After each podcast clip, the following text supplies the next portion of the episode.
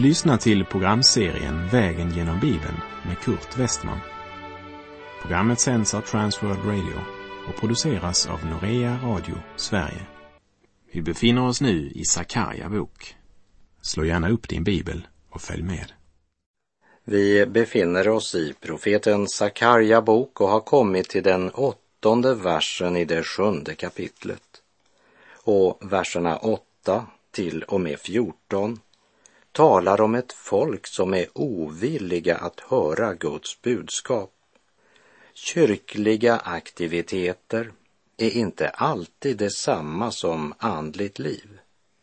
Många församlingars verksamhet idag är inte bara tandlös, färglös och saltlös, men också blodfattig. Istället för saltet som svider i syndasåren så serverar man en söt sockerlösning så god och behaglig, men som ganska snart börjar klibba, styvna till och förstelna det andliga livet. Man saknar både den andliga värmen och den andliga kraften. Att man sen försöker kompensera det med att skruva upp volymen på högtalarna gör inte saken bättre. Ibland så är atmosfären så uppjagad och uppskruvad och både sång och predikan så suggererande att man kunde tro att Jesus har sagt jag är livets ånga. För det hela dunstar liksom bort. På andra ställen så är gudstjänsten så formell rituell och kall att man kunde tro att Jesus har sagt jag är livets is. För det hela har frusit till. Och kvar är bara en rätt teori och lite ritual och liturgi. Kristus är varken ånga eller is. Han är livets vatten. Och är det något som vi behöver idag så är det andlig balans. Och den måste bli en verklighet för var och en av oss, där vi personligen regelbundet studerar Guds ord sammanhängande, så att vi kan låta dess rika sanningar balansera varandra. Ha gärna en fast övertygelse, men var klar över att Gud har förbehållit sig rätten att välsigna människor med andra åsikter än dina. Två av lärjungaskapets kännetecken det är flexibilitet och balans. Ert tal skall alltid vara vänligt, kryddat med salt.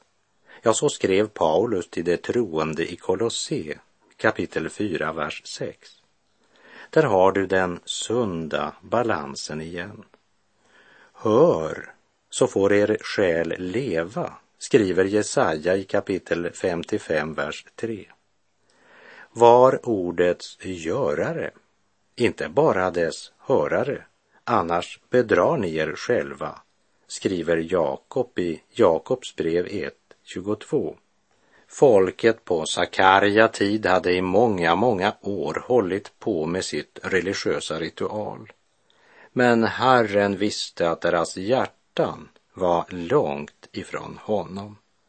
Och här i Sakarja kapitel 7, vers 8 och följande, så talar Gud i klartext på ett högst praktiskt sätt om vad de gjort som hade skilt dem från Gud. Och Gud tar här upp den del av de tio bud som har att göra med vårt förhållande till våra medmänniskor. Medan de sju första verserna handlade om människans förhållande till Gud och när vårt förhållande till Gud inte är rätt blir alla former eller ritual fel. Vi talar och undervisar inte om synden som vi borde idag. Om du kände mig så som jag känner mig själv så skulle du nog inte lyssna till mig. Och om jag kände dig som du känner dig själv skulle jag nog inte bry mig om att tala till dig. Vad menar jag med det? Hör min vän, vi är alla syndare. Här kanske någon protesterar och säger den som är frälst är väl inte syndare.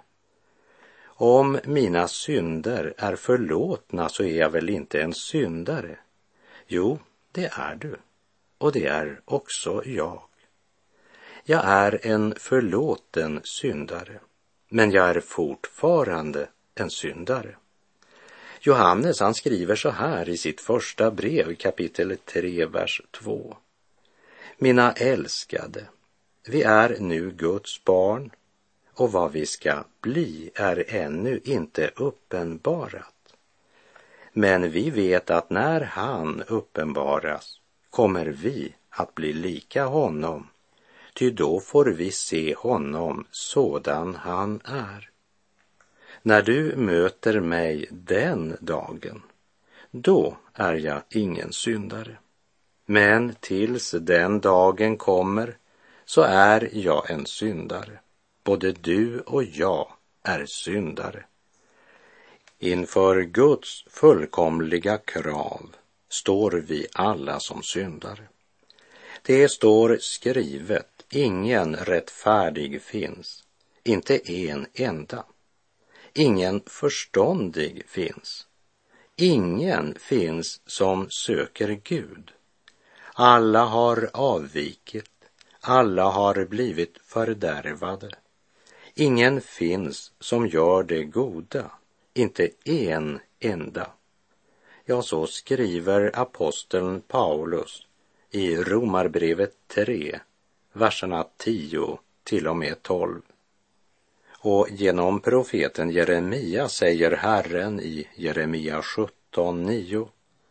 Bedrägligare än allt annat är hjärtat. Det är obotligt sjukt. Vem kan förstå det? Endast Gud känner våra hjärtan helt och fullt. Om vi kunde se oss själva så som Gud ser oss skulle vi inte stå ut med oss själva. Endast Gud står ut med oss. Inte bara står ut med oss, men han älskar oss. Älskar oss så högt att han utgav sin ende son till ett sonoffer för våra synder. För att var och en som tror på honom inte ska förgås utan ha evigt liv.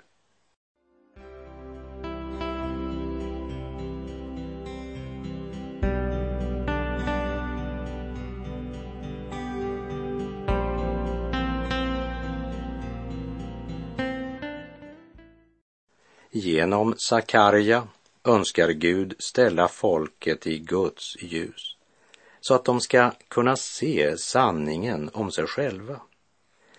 Gud konfronterar dem med sina heliga krav.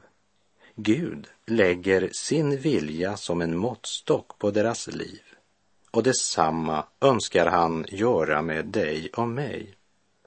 Min målsättning är inte att trampa det på tårna jag försöker bara säga dig vad Guds ord säger. Låt mig få illustrera vad jag menar.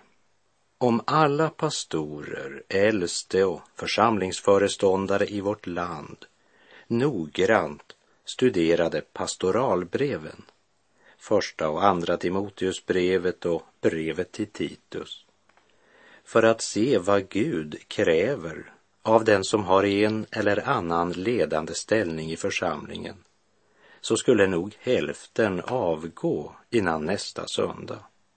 Församlingen skulle bli lite mindre, men den skulle må mycket bättre och förnyelse och väckelse skulle börja spira fram. Det är väl få avsnitt i Bibeln som leder till så många reaktioner och protester som när jag undervisar från dessa kapitel i skriften. För det är många som inte vill höra vad Guds ord har att säga oss. Och jag måste säga att jag känner mig oerhört liten när jag vandrar genom de kapitlen. Jag kan bara böja mina knän vid mitt skrivbord och säga Gud, var mig syndare nådig. Det är inte underligt att kyrkorna och församlingarna har det problem som de har. Det är inte konstigt att församlingarna är fyllda med andliga babyer som suger på tummen, knorrar och klagar när de inte får nog uppmärksamhet. Man skriker efter nappflaskan, tutten eller en liten skallra att leka med. De tar en veckokurs eller weekendkurs som på några dagar ska göra dem till mogna kristna. Dessa kurser ger dem inte ens det dagliga sockerbehovet. Och hur mycket man egentligen vet om Guds ord är en högst öppen fråga. Vi säger att evangeliet betyder ett gott budskap. Och då tänker vi oftast att gott betyder allt det som vi känner och upplever gott. Men evangelium är ett ljuvligt och gott budskap om att kunna bliva och vara människa.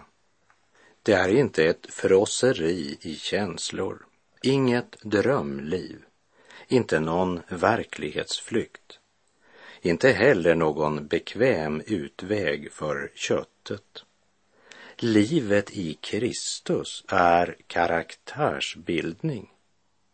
Det börjar med ett under som kallas för pånyttfödelse, vilket är ett Guds verk genom Guds ord och den helige Andes uppenbarelse.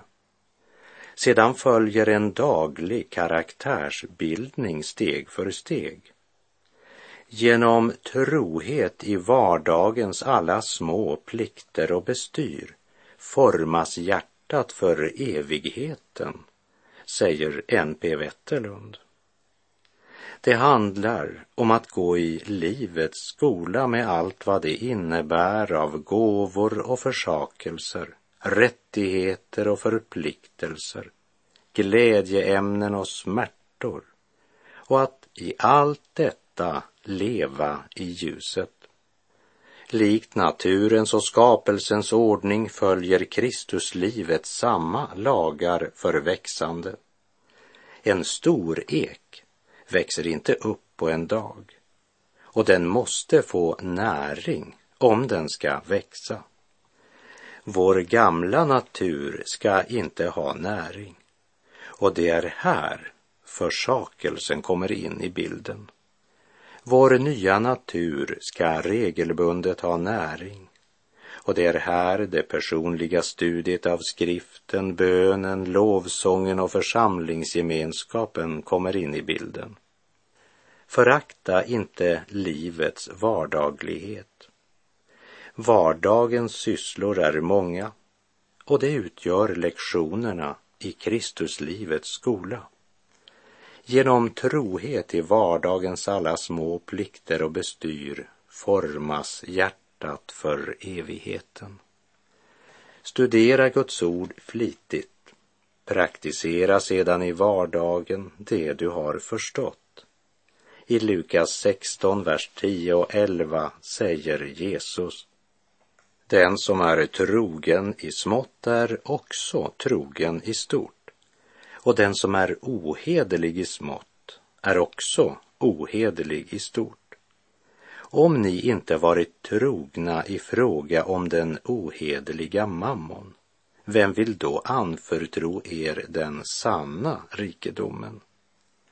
Studera Guds ord flitigt, men bli inte bara en ordets läsare, bli också en ordets görare. Lev i ljuset med alla dina val. Bli stilla och tänk efter om det är Jesus eller Barabbas som du släpper fri genom det du nu väljer.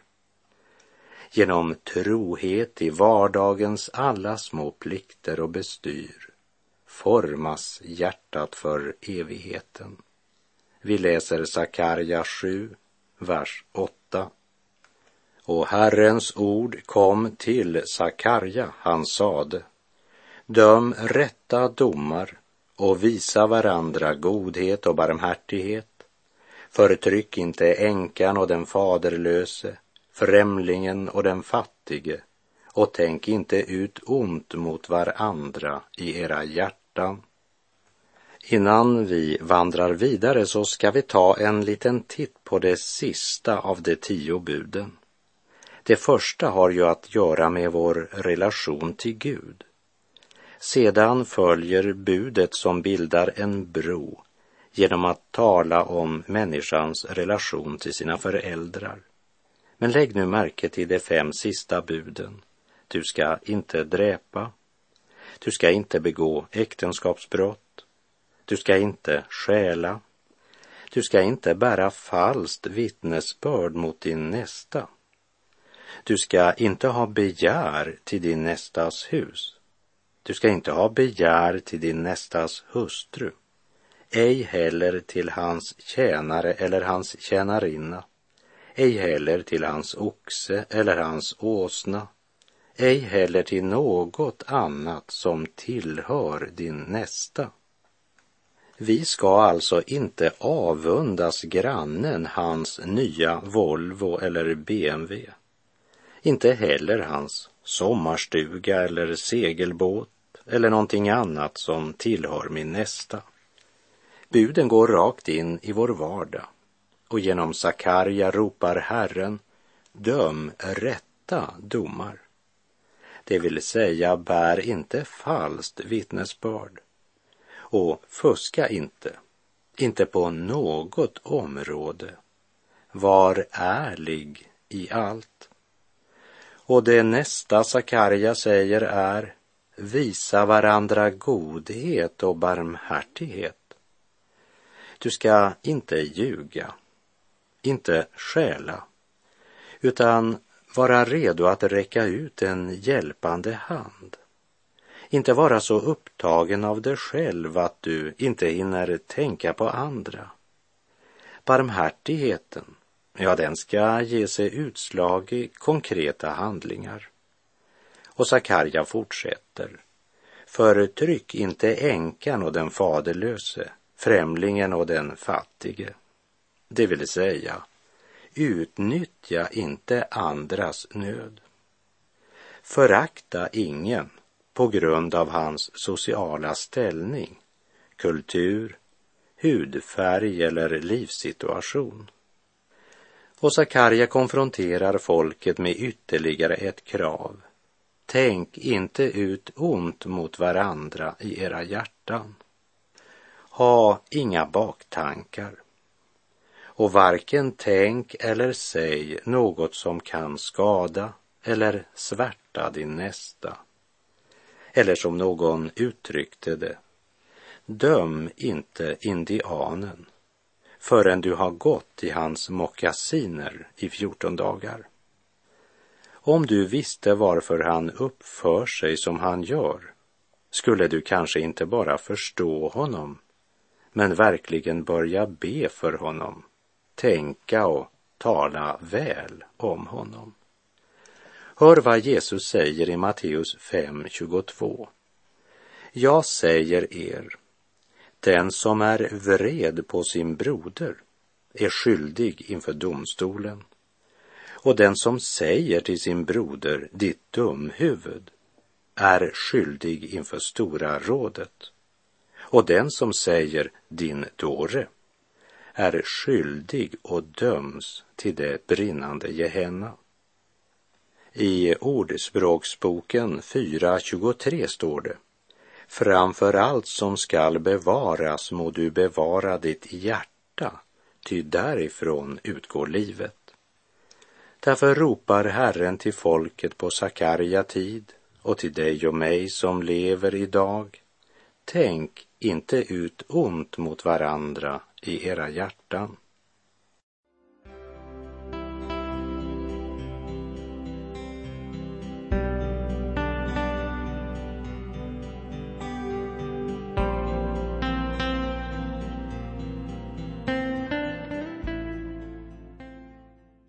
Gud säger att trots att Israel genomförde sina religiösa ritual Så om du fick möta dem på söndag, måndag, tisdag eller onsdag, då skulle du få se på något annat. Men fredagskväll började de på sin formella gudstyrkan igen. De fastade, grät, klagade och bar fram sina offer. I profeten Malaki kapitel 1, vers 10, slutet av versen, så säger Herren. Jag har inte behag till er, säger Herren Sebaot. Offergåvorna från er hand finner jag ingen glädje i. Folket upplevde offren och gudstjänsterna som tröttande. De bar fram det som var stulet som offer. De bar fram djur som var halta och sjuka samtidigt som de sa att det är inte mödan värt. Och det skulle jag ta emot av er med glädje, frågar Herren i Malaki 1.13. Och eftersom Herren genom Sakarja uppmanat folket att döma rätta domar och visa varandra godhet och inte förtrycka främlingen och den fattige, så läser vi i Sakarja 7.11. Men de ville inte ge akt på detta, utan var upproriska och stängde till sina öron så att de inte hörde.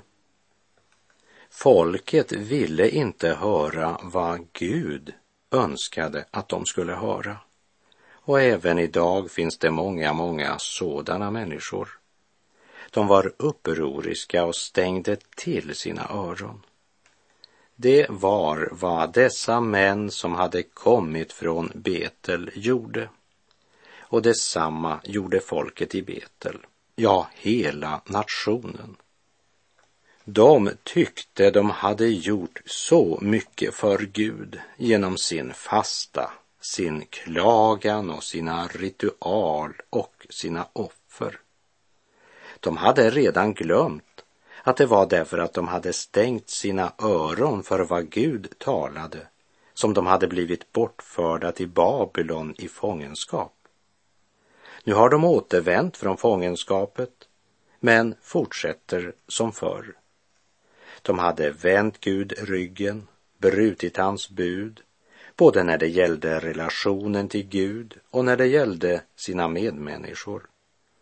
Inga religiösa aktiviteter, missionsoffer, ritual eller högljudd lovsång är till något som helst gagn om vi inte i våra hjärtan lever för Herren.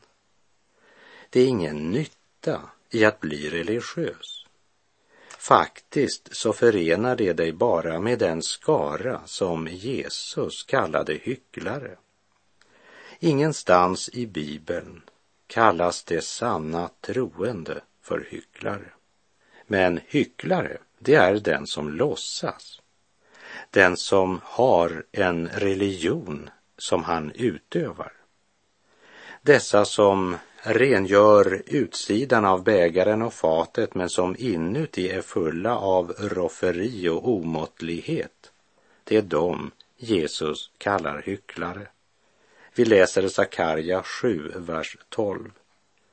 De gjorde sina hjärtan hårda som diamant så att de inte hörde den undervisning och det ord som Herren Sebot genom sin ande hade sänt genom gångna tiders profeter. Därför kom stor vrede från Herren Sebaot. Har ni redan glömt Jerusalems ödeläggelse? Har ni redan glömt att budskapet som Herrens profeter ropade ut bokstavligen gick i uppfyllelse? De var religiösa.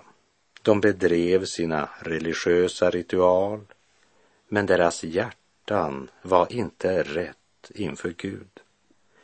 De vanärade Gud och följde sina egna bedrägliga hjärtan. Och nu gör ni på samma sätt och tror att ni ska kunna komma undan.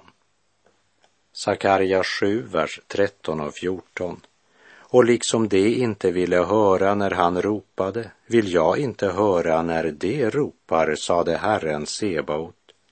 Jag skall skingra dem genom en stormvind bland alla hedna folk som de inte känner. Så har nu landet blivit öde efter dem. Ingen kommer eller går, ty det gjorde det ljuvliga landet till en ödemark. Gud dömer inte bara folket utan också landet. Och även om Israel idag exporterar mängder av frukt och grönsaker så är det fortfarande långt ifrån ett land som flyter av mjölk och honung. Synden har förvandlat det ljuvliga landet till en ödemark. Och i vår tid är det många på nyttfödda som gjort detsamma med all den himmelska världens andliga välsignelse som Gud har gett dem.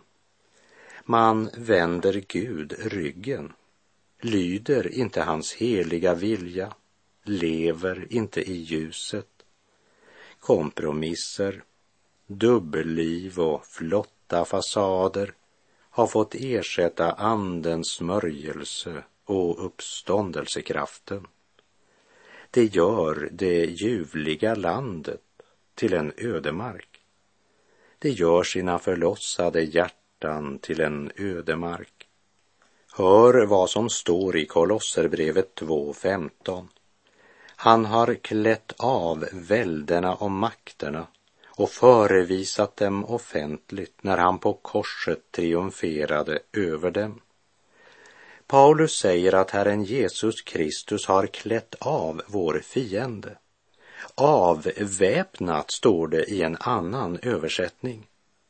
Gud har alltså i Kristus avväpnat vår fiende. Och därför ska du vara på vakt, min vän, så att du inte ger fienden vapnen tillbaka. För då blir dina tankar tomma och förmörkade och då förvandlas det som skulle ha varit ett överflödande andligt liv i Kristus till en ödemark där syndens krafter råder. Kära vän som i tron mottagit Kristus och fått Guds kärlek utgjuten i ditt hjärta genom den helige Ande. Låt Gud bevara dina tankar i Kristus Jesus till de troende i Efesus skriver Paulus följande förmaning, Efeserbrevet 4, vers 17 och 18. I Herrens namn varnar jag er därför, lev inte längre som hedningarna. Deras tankar är tomma, deras förstånd förmörkat. Det är främmande för livet i Gud därför att de är okunniga och i sina hjärtan hårda som sten. Eller som profeten Sakarja uttrycker det, det gjorde det ljuvliga landet till en ödemark. Gör inte det.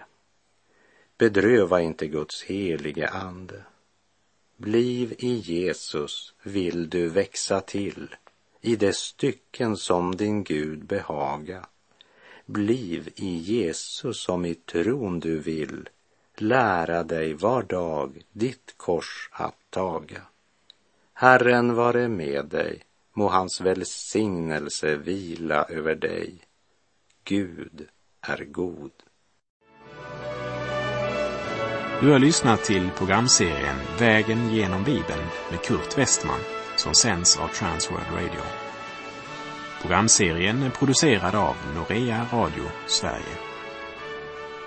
Om du önskar mer information om vårt radiomissionsarbete så skriv till Norea Radio Sverige, box 3419 103 68 Stockholm.